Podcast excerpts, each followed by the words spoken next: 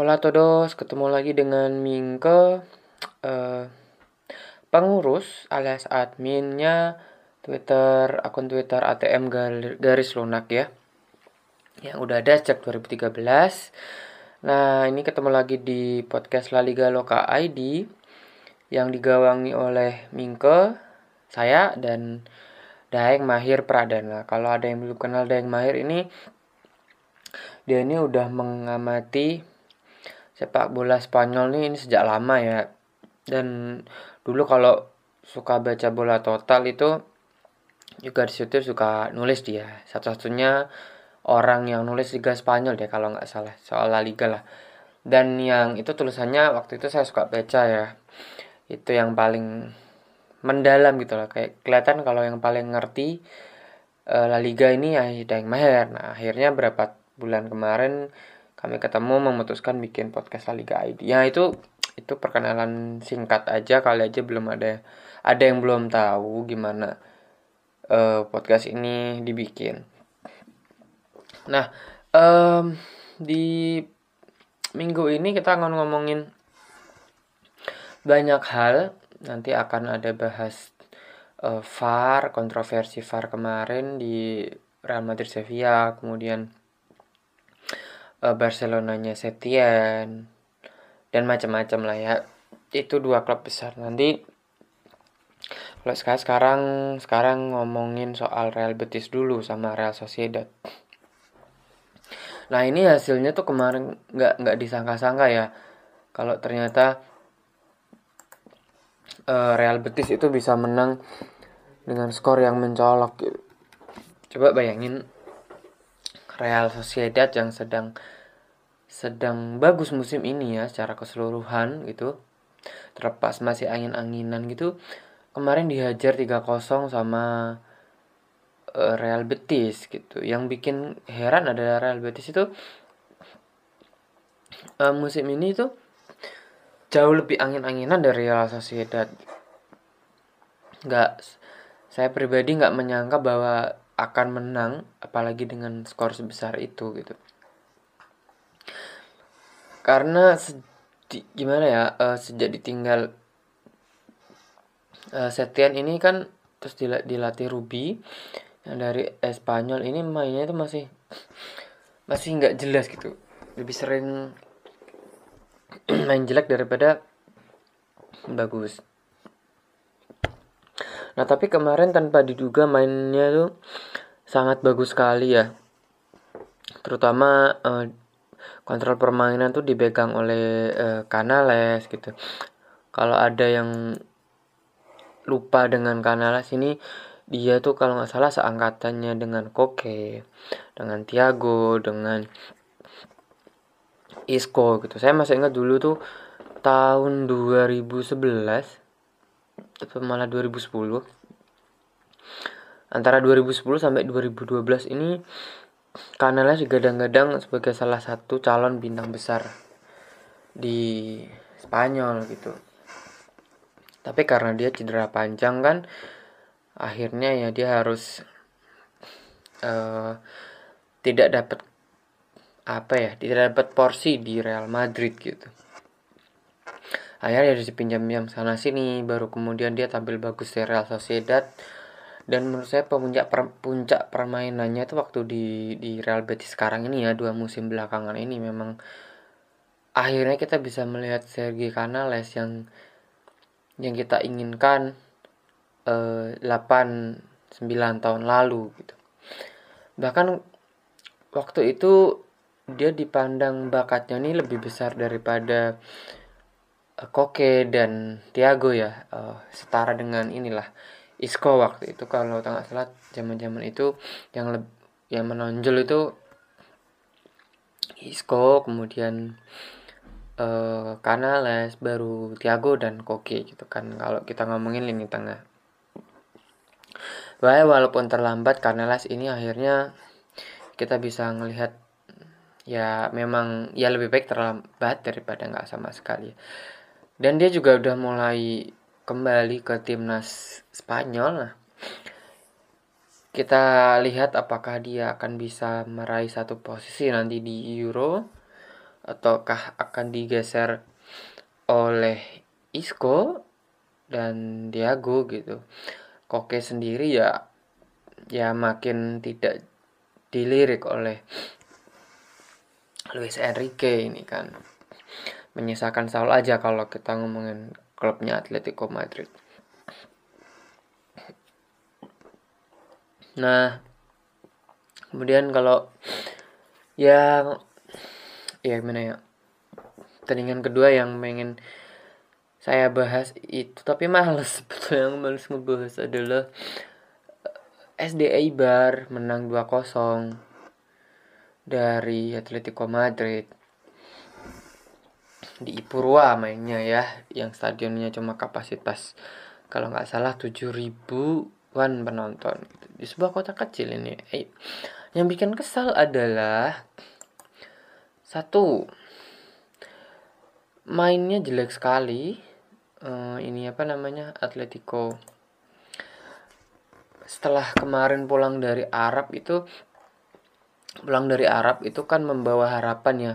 Wah mainnya udah lumayan nih bisa ngalahin Barcelona 3-2 kan remontada. Setelah itu kalah ya kalah adu penalti lah ya sama Real Madrid tapi pisanan kosong kosong gitu. Ya walaupun permainannya nggak bagus-bagus amat tapi mendingan gitu.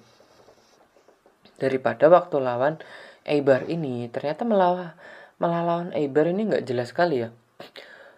Keliat ini kayak misalnya Thomas itu uh, dia ditaruh di agak belakang kan jadi nggak nggak nggak jadi box to box.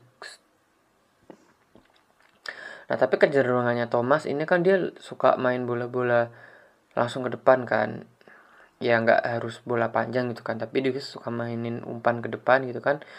Dia termasuk pemain yang e, jarang umpan ke belakang atau ke e, samping gitu. Jadi dia memang tipe pemain yang ambil resiko. Nah kemarin dia salah satu pemain yang yang banyak banyak melakukan kesalahan gitu. Tapi ya menurut saya ini juga salah Thomas dan salah Simeone karena dia tempatin Thomas ini agak ke belakang. Jadi apa ya memang jarak mengumpannya ini jauh gitu kan. Kalau dia tempatin agak ke depan box to box gitu kan dia menjangkau pemain di depannya kan lebih pendek. Jadi resikonya lebih kecil gitu untuk bisa salah umpan gitu Hector Herrera kemarin juga main tidak bagus gitu kan. Lini belakang juga ya bahasa kasarnya itu ampas gitu. Ya gimana lagi memang payah gitu. Ambil napas dulu nih biar nggak ngemel-ngemel terus. Ini udah saya bicarain dari kayak mungkin dua musim belakang gitu ya times up untuk Simeone.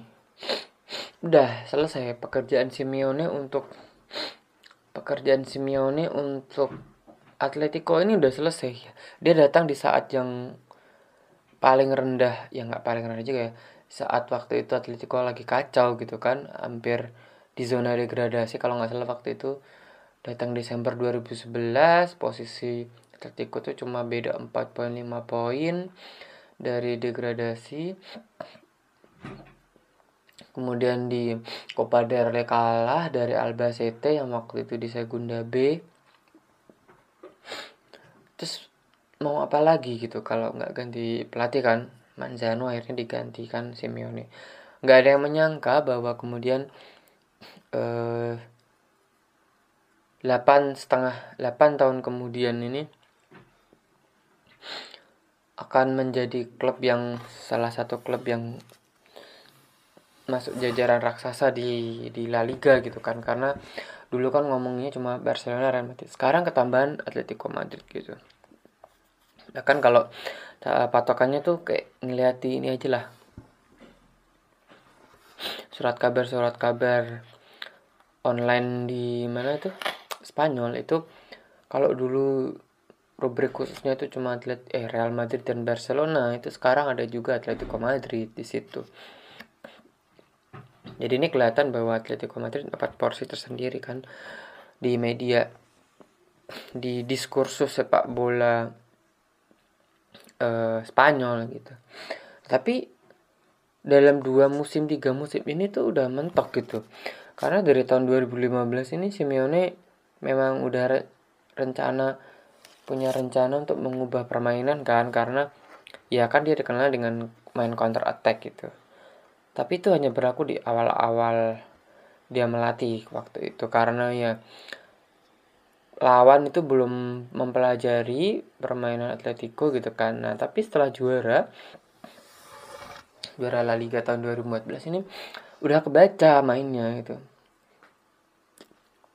Cara mematikan uh, taktiknya Simeone ini udah kayak udah ngelotok di luar kepala gitu loh. Jarine wong Jawa guys ngelotok ngono lah. Nah ini yang yang yang mungkin tidak disadari sendi oleh Simeone sendiri oleh uh, apa namanya manajemen gitu kan. Ya manajemen pasti inilah ambil resiko lah kalau mem memecat Simeone gitu. Jadi kan figur populer dia yang membawa Atletico sampai sejauh ini. Sampai ya kan peng penghasilannya naik berkali-kali lipat utangnya mulai dicicil sampai bisa dapat banyak sponsor bangun stadion stadionnya punya ada nama sponsor di situ Wanda Metropolitano kan? Dari perusahaan Cina. Tapi udah udah di situ. Saya yakin ini Atletico-nya Simeone ini udah ada di titik jenuh gitu. Udah nggak bisa diapa-apain lagi udah nggak bisa berkembang lagi gitu. Kalau ngomong kita membandingkan misalnya oh Ferguson bisa kok waktu itu di di di MU gitu kan mentok kemudian inovasi gitu kan. Tapi zamannya udah beda gitu.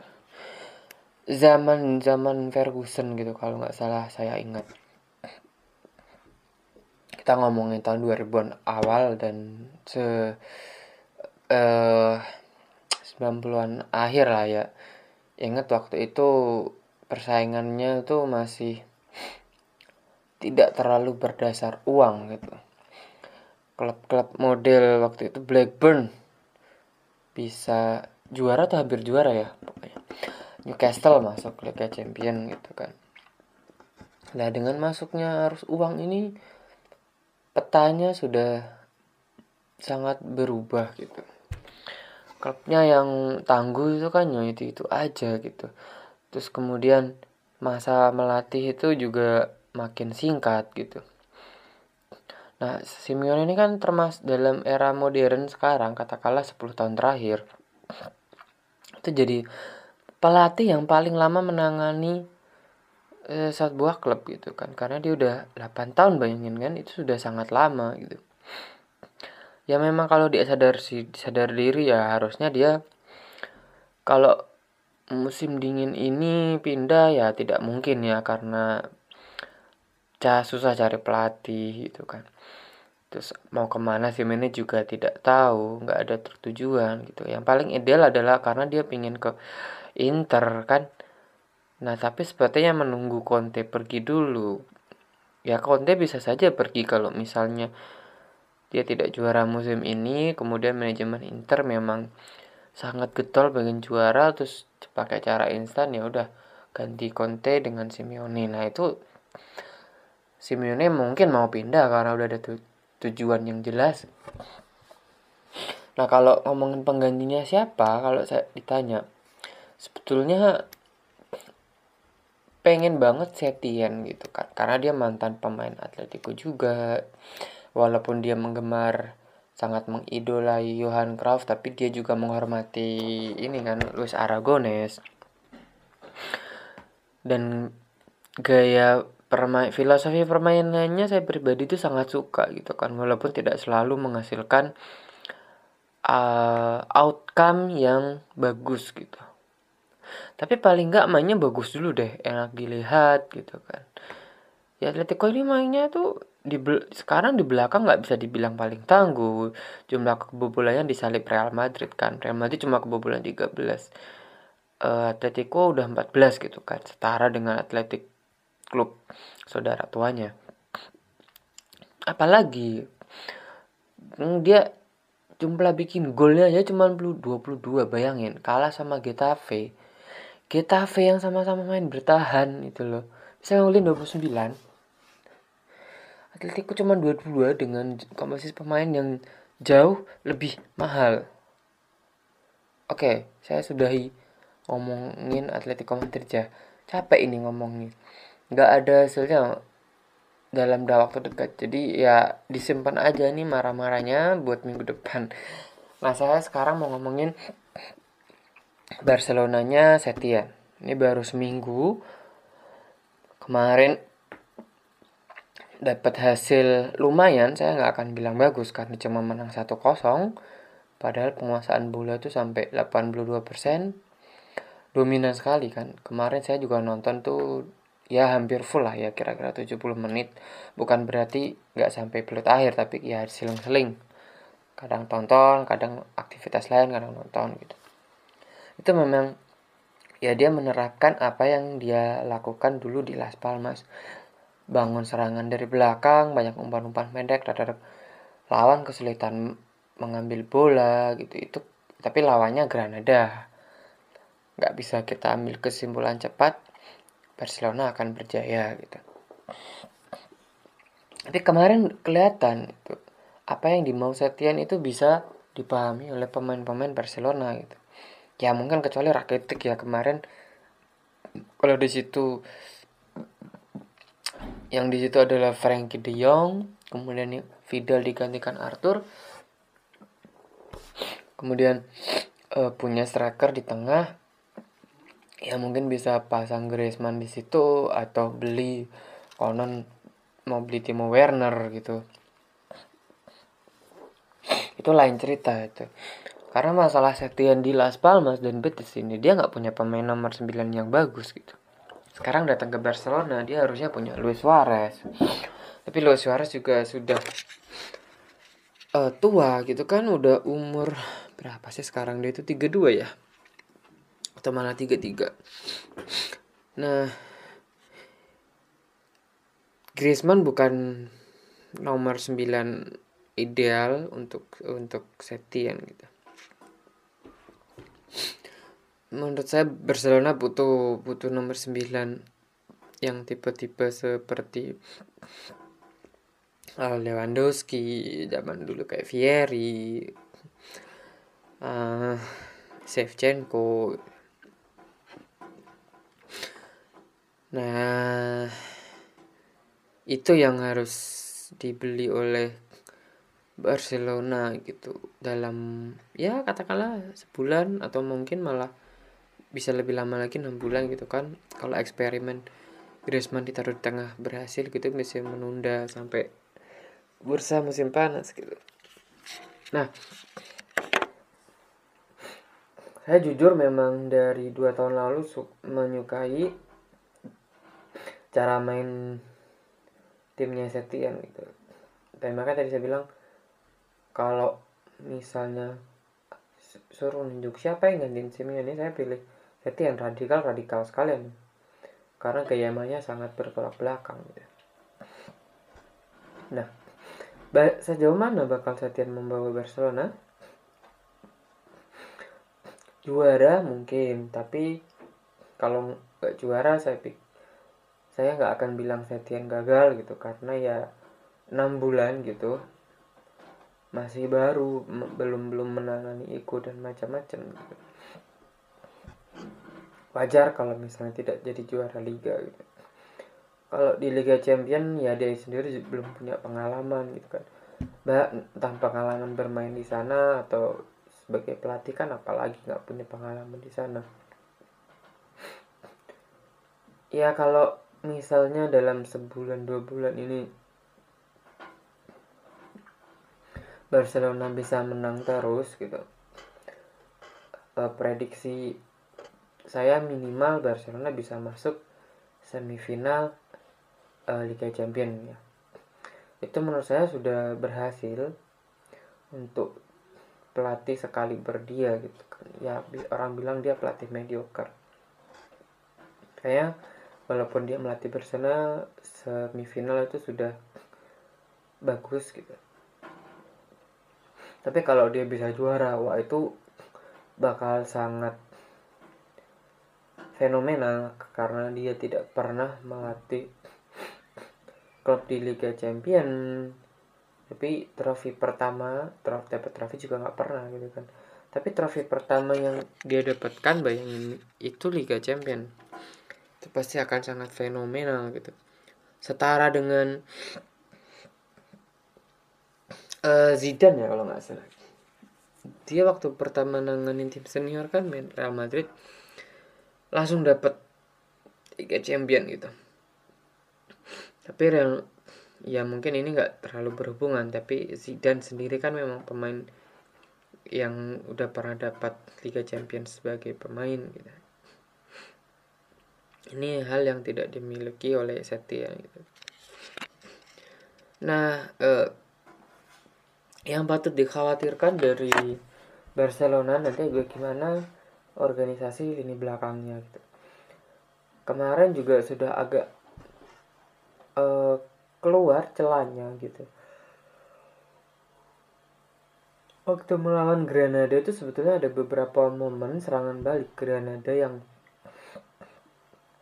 yang harusnya bisa dieksploitasi. Sayangnya Granada tidak punya kemampuan untuk mengeksploitasi itu gitu. Saya yakin kalau misalnya organisasi lini belakangnya Barcelona ini belum dibenahi, gampang sekali tim-tim seperti Getafe, eh, Real Sociedad, atau Villarreal gitu mengeksploitasi celah di situ. Atletico nggak disebut, enggak lah, bapuk kali dia nyusun serangan kok. Jangan jangan pikir Atletico Madrid itu masih jagoan serangan balik ya. Enggak makanya dia tuh main bangun serangan dari belakang tuh nggak bisa. Terus mau main serangan balik juga kayak udah melupakan itu jadi nggak jelas ini klub itu tuh udah nggak usah diharapkan lagi lah dapat trofi apa pun. Nanti lawan Liverpool juga ya paling-paling kalah tapi semoga nggak usah banyak-banyak kalau kalah ya. Nah, buat uh, pendukung Barcelona jangan terlalu khawatir dengan Setien, tapi juga jangan terlalu berharap karena uh, rekornya dia juga tidak ada yang terlalu istimewa kecuali dia saklek dengan visi filosofi permainan ala Johan Cruyff dan ya mas sepertinya masih akan sering mengandalkan kejeniusan Messi. Nah, nanti kita akan lihat apakah kalau Messi misalnya absen entah karena cedera atau larangan bermain kalau Barcelona masih bisa tetap menghasilkan outcome yang bagus di titik itulah ya kita bisa mulai lega ah kita enak aja lah ngikutin apa maunya Setien di Barcelona. Nah uh, penutup saya selamat untuk Kike Setien, bapak-bapak, oh bukan bapak-bapak, mbah-mbah udah umur 61 tahun. Mungkin juga dia tidak pernah bermimpi untuk melatih Barcelona gitu. Tapi dia mendapatkan apa ya anugerah yang sangat mewah dan tidak semua pelatih bisa mendapatkan berkah seperti itu gitu. Nah setelah Setien ini saya pikir yang selanjutnya akan dapat panggung adalah Getafe kalau musim ini dia dapat lagi tiket ke Liga Eropa atau bahkan ke Liga Champions gitu. Karena dia cuma berjarak 2 poin dari Atletico Madrid atau dan juga Sevilla gitu. Dia Getafe poinnya 33, Atletico dan Sevilla 35 jadi satu saja kepleset dan dia menang dia ada di posisi zona Liga Champion Nah, uh, ya kita saksikan gimana kiprahnya Bordalas gitu ya dengan Getafe-nya dan Setien dengan Barcelona. Dua pelatih yang gayanya bertolak belakang. Gak usah sebut-sebut sih mana gak usah diajak dia. Biarinlah dia pergi ke Inter nanti. Nah nanti setelah ini akan dilanjutkan oleh Daeng Mahir ya. Akan membahas salah satunya kontroversi VAR kemarin. Di laga Sevilla lawan Real Madrid. Adios.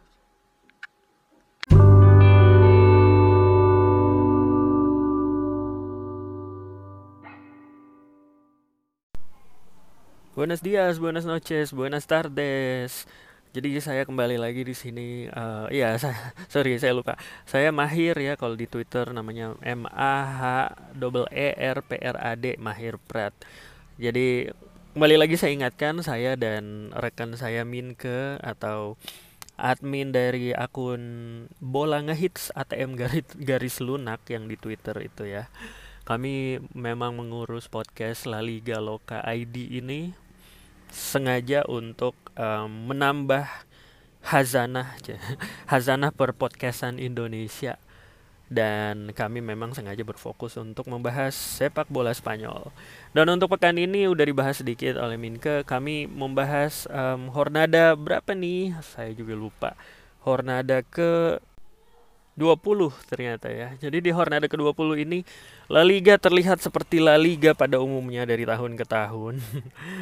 um, duopoli Barcelona dan Real Madrid tetap mendominasi bahkan di di papan atas klasemen atau dua posisi atas dari klasemen La Liga itu masih dihuni oleh dua nama familiar yaitu Barcelona dan Real Madrid lagi-lagi ya.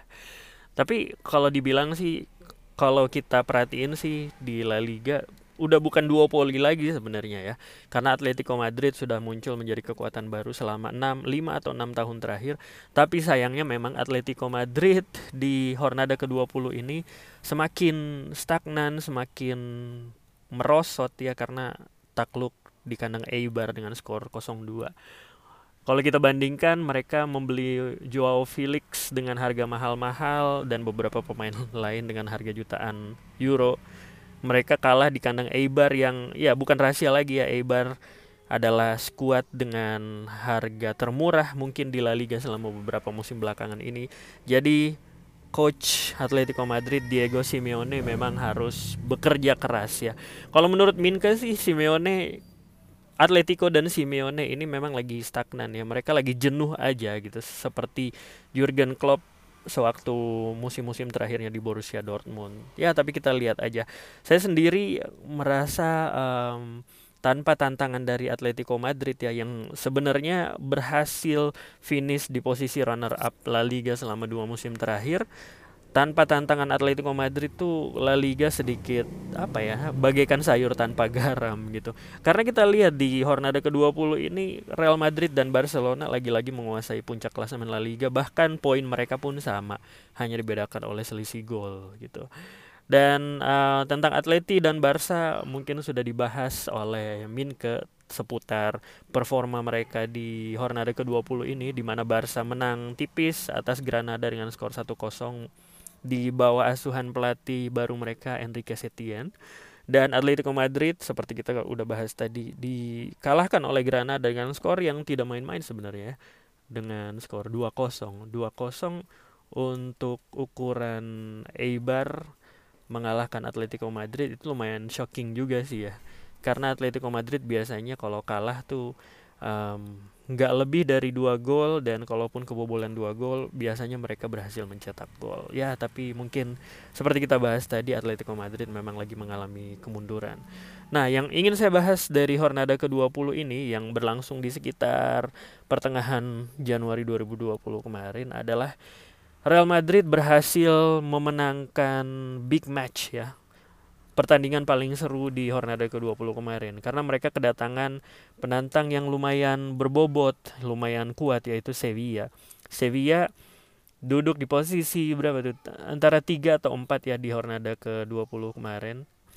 Um, mereka rebutan posisi 3 dengan Atletico Madrid dan Sevilla sebenarnya dalam grafik yang sangat menanjak. Dan kalau kita lihat, kalau Anda lihat pertandingan antara Real Madrid melawan Sevilla atau minimal highlightsnya ya, itu terlihat banget Sevilla menguasai uh, pertandingan di babak pertama dan bahkan mereka sempat mencetak gol di babak pertama. Tapi sayangnya gol mereka yang dicetak oleh Luke De Jong itu penyerang asal Belanda yang pernah menjadi top skor di Eredivisie Belanda itu ternyata digagalkan oleh video asisten referee atau VAR. Lagi-lagi VAR ini membuat kontroversi di La Liga ya. Tapi kalau menurut saya um, gol yang dianulir oleh wasit ini, gol Sevilla ini yang dianulir itu kan terjadi um, Luke De Jongnya sih nggak ada masalah ya. De Jong yang mencetak gol berada dalam posisi bebas, tapi dia berada di posisi bebas karena tidak mendapatkan gangguan dari pemain-pemain belakang Real Madrid. Nah, yang dipermasalahkan oleh wasit adalah pemain Real Madrid, Eder Militao itu di blok ya, dilanggar oleh uh, siapa yang ngelanggar kemarin ya? Uh, Lukas Lucas Ocampos oh bukan Neman Nemanja Gudelj ternyata ya pemain yang baru didatangkan di musim ini. Nah jadi foulnya Gudelj terhadap um, terhadap terhadap siapa tadi terhadap Militao memang dipermasalahkan oleh wasit. Uh, kalau yang pro pro gol sih ya terutama pendukung Sevilla pasti melihat sebenarnya Militao itu menabrak Gudels jadi sebenarnya Militao yang salah. Tapi kalau dilihat dari um, sudut pandang Profar yang mendukung bahwa gol itu dianulir sebenarnya terlihat Gudels itu memang sengaja memasang badan untuk menahan laju lari Militao ya udah akhirnya gol yang harusnya menjadi gol pertama dari Sevilla itu dibatalkan. Dan kemudian ternyata Real Madrid yang berhasil mencuri gol pertama melalui Casemiro Nah, ini terlihat um, ada satu talking points juga ya, satu poin menarik di sini. Jadi gol pertama Casemiro ini dicetak setelah dia mendapatkan assist dari uh, umpan dari Luka Jovic. Nah, Luka Jovic ini memang sewaktu didatangkan di awal musim ini dari Bundesliga memang masih belum memuaskan ya. Jadi kalau di Bundesliga kan musim lalu Jovic ini salah satu pemain paling produktif. Tapi setelah didatangkan Real Madrid, dia baru mencetak berapa gol ya satu atau dua gol musim ini dan tidak sedikit fans Real Madrid atau Madridis, Madridistas yang mencaci maki Luka Jovic ya. Tapi setelah mencetak gol, Casemiro langsung memberi isyarat kepada seluruh publik Santiago Bernabeu Stadion Santiago Bernabeu maksudnya untuk lebih menghargai jasa-jasa dari Jovic terutama setelah dia mencetak assist yang berbuah gol pertama dari Casemiro. Kemudian uh, di babak kedua Sevilla sempat membalas tuh. Jadi gol yang tadinya dianulir kan dicetak oleh Luke De Jong. Nah, ternyata De Jong berhasil mencetak gol yang menyamakan kedudukan di babak kedua. Tapi entah setan apa yang merasuki Casemiro ya. Jadi dia mencetak gol kedua sekaligus gol kemenangan Real Madrid ternyata setelah uh, beberapa menit setelah gol dari De Jong. Nah, Casemiro memang menjadi man of the match di laga Real Madrid melawan Sevilla ini. Tapi kalau menurut saya salah satu hal positif yang bisa diambil dari performa Real Madrid ini adalah mereka tanpa bermain dominan pun, tanpa bermain terlalu bagus pun mereka tetap bisa memperoleh hasil maksimal gitu. Dan ini khas Zinedine Zidane banget ya sebenarnya yang kita lihat dari tiga musim terakhir sebelum dia diganti di musim lalu. Sorry, tiga musim sebelum dia diganti beberapa bulan musim lalu ya sebelum dia masuk lagi dan akhirnya menjadi pelatih utama dari Real Madrid lagi. Ya memang terlihat Zinedine Zidane sangat pintar memanfaatkan peluang sekecil apa pun dan potensi pemain sekecil apa pun. Nah, dalam hal ini di laga melawan Sevilla ini potensi Casemiro yang bisa menusuk dari lini kedua itu dimanfaatkan banget. Gol keduanya melalui uh, sundulan itu juga memanfaatkan tinggi badan Casemiro dan kejelian Casemiro dalam mencari uh, posisi free posisi bebas di kotak penalti Sevilla sebenarnya. Dan kalau kita lihat sebenarnya Casemiro kan selama ini lebih banyak bermain sebagai gelandang bertahan ya. Tapi di laga melawan Sevilla ini dia cenderung bermain box to box sebenarnya ya. Jadi mungkin Casemiro memang sudah dipesan uh, salah satu peran khusus lebih ofensif di sini dalam hal ini uh, untuk memperkuat lini serang dari Real Madrid gitu. Dah dan memang uh, menarik sekali ya penampilan Real Madrid musim ini tidak selamanya mereka bermain dominan, tidak selamanya mereka bermain atraktif, tapi toh tetap menang gitu. nah, ini mungkin yang akan membedakan mereka dengan Real Madrid, eh sorry dengan Barcelona sampai akhir musim, tapi kita tunggu aja ya, masih banyak. Masih banyak pertandingan, masih ada 20 lebih. Eh, iya, masih ada 20 lebih. Sorry, masih ada 18 lagi ternyata ya. Jadi sudah lewat satu musim pertama, saat pertengahan musim, sorry. Sudah lewat paruh musim pertama dan um, kita tunggu saja sampai akhir musim siapa yang memenangi La Liga ya memang tidak tidak jauh-jauh antara Real Madrid dan Barcelona sih menurut saya nantinya oke okay, um, sudah cukup kita bahas tentang Real Madrid kita saya ingin membahas lagi tentang salah satu kejutan di Hornada ke-20 yaitu Valencia dibantai di kandang Mallorca. Waduh, ini gimana ya Valencia bisa terbantai begini ya?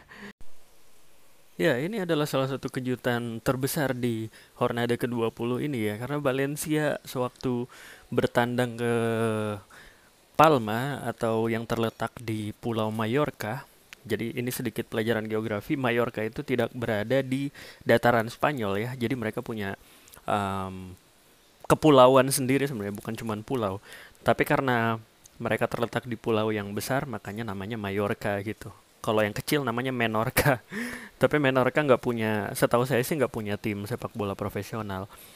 Nah, Mallorca ini um, sewaktu menjamu Valencia, mereka tidak diunggulkan sama sekali oleh hampir semua orang. Bahkan mungkin pendukung mereka sendiri nggak nggak menyangka ya mereka bisa membantai Valencia dengan skor 4-1.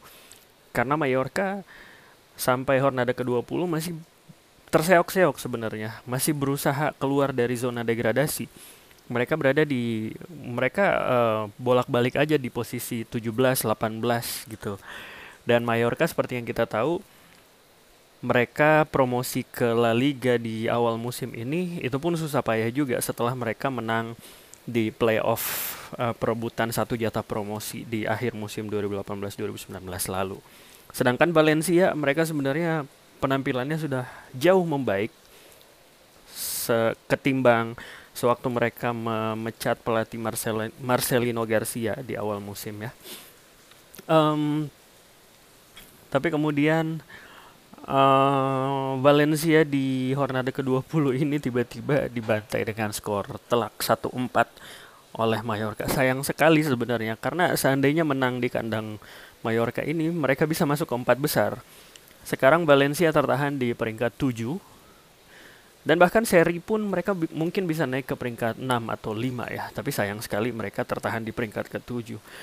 Nah, di laga Mallorca melawan Valencia ini memang sih Valencia dikena kartu merah ya, karena kapten mereka Dani Parejo itu kena kartu merah di babak kedua. Tapi meskipun kena kartu merah, jadi mereka berkurang uh, jumlah pemain jadi 10 itu sebenarnya nyaris tidak um, memang sih mempengaruhi permainan tapi skornya sudah kelihatan di babak pertama yaitu sekitar yaitu 3-0 ya. Jadi Mallorca sebenarnya sudah unggul bahkan sejak di babak pertama dengan skor 3-0 sebelum Dani Parejo kena kartu merah. Dan hebatnya di di laga ini Striker Mallorca asal Serbia yaitu Ante Budimir mencetak dua gol dan uh, ini merupakan gol ke-8 Budimir di La Liga 2019-2020 ini.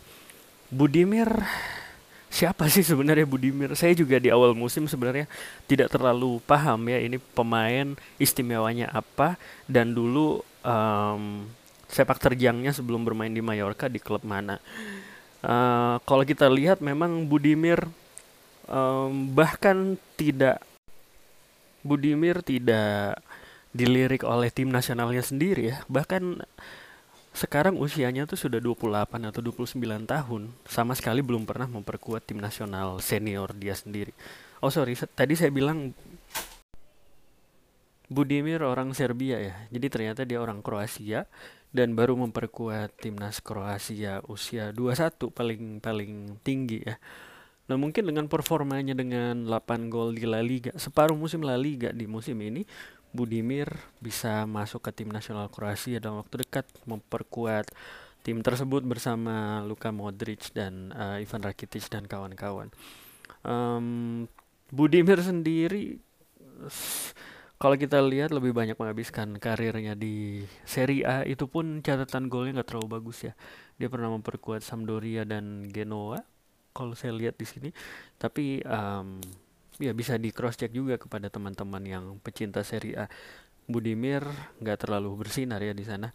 Dan saya pikir sewaktu Mallorca juga ngambil Budimir, dia mungkin berpikir uh, paling nanti saya main di lower division. Tapi ternyata Mallorca berhasil masuk ke La Liga dan Budimir berhasil menggila di La Liga gitu. Siapa tahu dalam beberapa waktu ke depan dia akan dilirik oleh tim-tim yang lebih besar lagi. Ya, who knows. Ya, tapi um, dengan dua gol itu berhasil menghantam Valencia dengan skor 4-1 ya, bukan lagi-lagi bukan hasil yang menggembirakan bagi Valencia, tapi apalagi ya apalagi dalam waktu dekat mereka akan menghadapi Barcelona di La Liga. Waduh mungkin perjalanan Valencia untuk naik ke papan atas agak agak terjal nih. Nah demikian dari dari pembantaian Valencia di kandang Mallorca dengan skor 4-1 saya ingin beralih kepada satu lagi hasil menarik di Hornada ke-20 yaitu ketika tim um, asal kota Barcelona lainnya, yaitu Espanyol, ternyata berhasil hmm, sedikit keluar dari zona degradasi. Sedikit punya harapan untuk keluar dari zona degradasi maksud saya ya. Jadi memang Espanyol masih berada di posisi ke-20 klasemen, tapi at least mereka menunjukkan tanda-tanda untuk bangkit ya setelah mereka mengalami penggantian pelatih yang kedua atau ketiga nih ya. Jadi mereka sekarang dilatih oleh Abelardo Fernandes. Bagi angkatan lama nih, pasti ingat Abelardo pernah memperkuat Barcelona di era waktu itu dia main sama siapa ya? Pernah main sama Ronaldo, Ronaldo Nazario maksudnya. Kemudian pernah main dengan Patrick Kluivert, Rivaldo dan kawan-kawan. Abelardo pernah melatih uh, Sporting Gijon dan dan Alaves sebelum akhirnya ditunjuk sebagai pelatih Espanyol menggantikan uh, udah berapa udah berapa pelatih ya yang melatih Espanyol ini. Jadi yang terakhir adalah Pablo Masin yang um, kita pernah ingat pernah pernah melatih Sevilla dan dan Girona ya waktu itu Girona promosi berkat jasa Pablo Masin tapi ternyata Pablo Machin tidak berhasil meneruskan prestasi gemilang Espanyol musim lalu yang finish di posisi ketujuh dan berhasil menembus uh, kompetisi Eropa ya. Nah, tapi dengan Espanyol mengubah uh, jabatan posisi ke kepala posisi pelatih kepala mereka, um, kita tentunya ingat Espanyol di di Hornada ke-19 lalu dengan mengejutkan berhasil menahan imbang Barcelona dengan skor 2 sama. Dan sekarang lagi-lagi mereka meraih hasil yang menggembirakan dan di luar dugaan banyak orang karena di Hornada ke-20 ini Espanyol berhasil menang di kandang salah satu tim yang bisa dibilang kuat yaitu Villarreal dan skor 2-1. Nah, ini keren banget ya sebenarnya ya. Karena di uh, di highlight saya lihat Espanyol berhasil menguasai permainan meskipun meskipun bermain di kandang Villarreal. Dan Espanyol ini memperoleh satu amunisi yang sangat tajam di lini depan karena mereka berhasil mendatangkan um, ex Akademi Real Madrid ya, ex uh, lulusan Akademi Real Madrid yaitu Raul de Thomas kalau para pecinta Liga Spanyol nih sering menyebutnya dengan RDT ya, Raul de Thomas. Ya, Raul de Thomas didatangkan dari uh, Benfica di Liga Portugal baru di pertengahan musim ini dan langsung mencetak gol di laga melawan Villarreal yang berlangsung di kandang Villarreal itu. Raul de Thomas RDT mencetak gol kedua menggandakan keunggulan Espanyol setelah David Lopez mencetak gol di babak pertama. Dan meskipun sempat diperkecil kedudukannya oleh penalti Santi Cazorla ternyata Villarreal tidak mampu membalikkan keadaan. Dan Espanyol pulang dengan membawa tiga poin. Tiga poin yang berharga karena sekarang Espanyol meskipun berada di posisi ke-20 masih berada di posisi ke-20 alias posisi terakhir uh, poin mereka sudah sama dengan Leganes ya. Dan memang masih agak berat keluar dari zona degradasi tapi yang jelas dengan pelatih baru yaitu Abelardo kemudian striker baru yaitu RDT alias Raul de Thomas yang pernah cukup tajam di meskipun tidak berhasil menembus tim utama Real Madrid ya, tapi cukup tajam ketika memperkuat Rayo Vallecano beberapa musim lalu. Nah, oke, okay, demikian um, tiga hasil menarik dari Hornada ke-20. Jadi, ini merupakan modal yang cukup bagus bagi kita pecinta La Liga untuk semakin bersemangat menyambut Hornada-Hornada selanjutnya. Di Hornada ke-21 ada beberapa big match tentu saja dan ya kita tunggu mudah-mudahan para pesaing dari um, di luar dua raksasa Barcelona dan Real Madrid yaitu Sevilla dan Atletico Madrid berhasil bangkit dan supaya persaingan gelar juara lebih seru lagi tentunya. Oke, sampai ketemu di podcast kami edisi selanjutnya. Adios.